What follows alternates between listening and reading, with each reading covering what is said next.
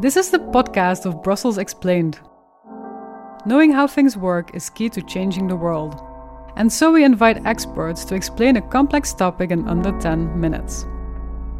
In Brussels Explained, we focus on all things Brussels. In this edition, you'll hear Camilla Dreef. She explains why there are so many parakeets flying around Brussels.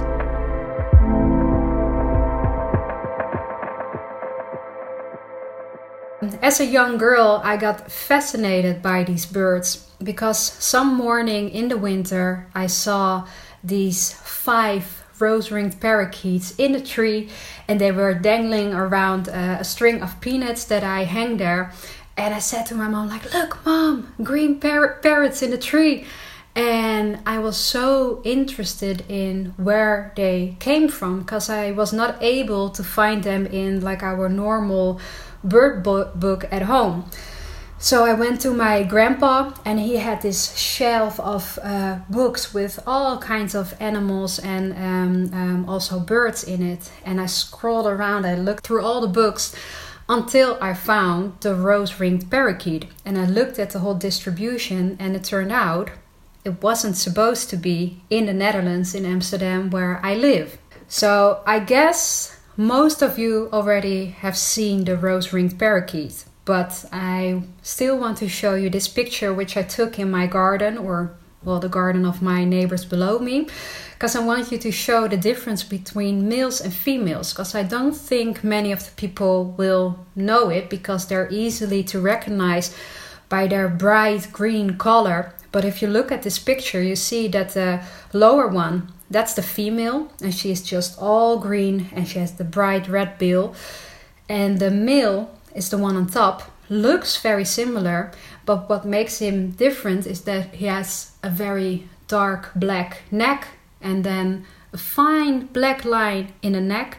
And then at the back of his head, you see that that's where it got his name from the rose ring also like a little bit of a blue shade which is very typically for uh, for the males so the question, where do they came from? Um, I uh, picked up a map from uh, from the internet, and what you see in green is their normal distribution. So that's where they came from. They live in uh, in tropical Africa, uh, the whole zone from west to east, and they live in South Asia, so India specifically that's where there are native species. So they live in, well, more of like tropical areas, uh, but also they can live up pretty high on mountain ranges. So it could be like until uh, 2000 meters high. Uh, and also the semi desert. So they live in quite a variety of, of habitats. And then when you look at all the orange dots in, uh, well, Western Europe, Eastern Europe, and also in Asia, that's where the species also exist, but then as a, a, introduced exotic species. So you see the Netherlands, you see Belgium, you see Germany, uh, the UK, South Europe, all these places uh, the species was introduced. So we're probably not the only people who are wondering where these species came from. But they're not the only parrot species we have in Europe there are actually uh, 12 different uh, breeding parrot species in Europe, but three of them, um, at least in the Netherlands, uh, breed on a yearly basis.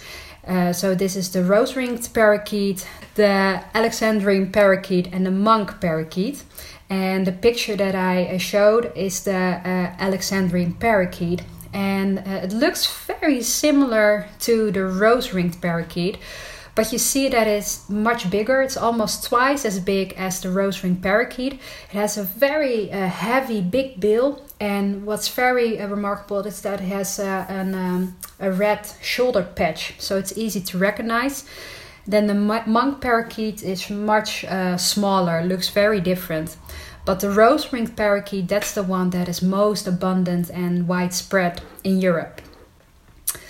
So, so to zoom in a little bit more, um, there are uh, now about 90 um, established breeding populations um, in um, 10 different countries.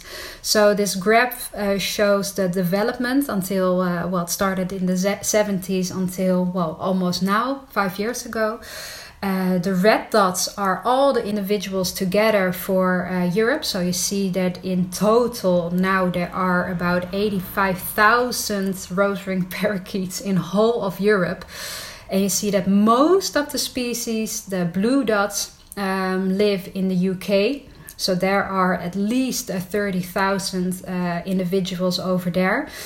And then, if you look at the Netherlands and Belgium, the development is very similar. So, we have the Netherlands in uh, the purple dots and um, Belgium in the, the black dots.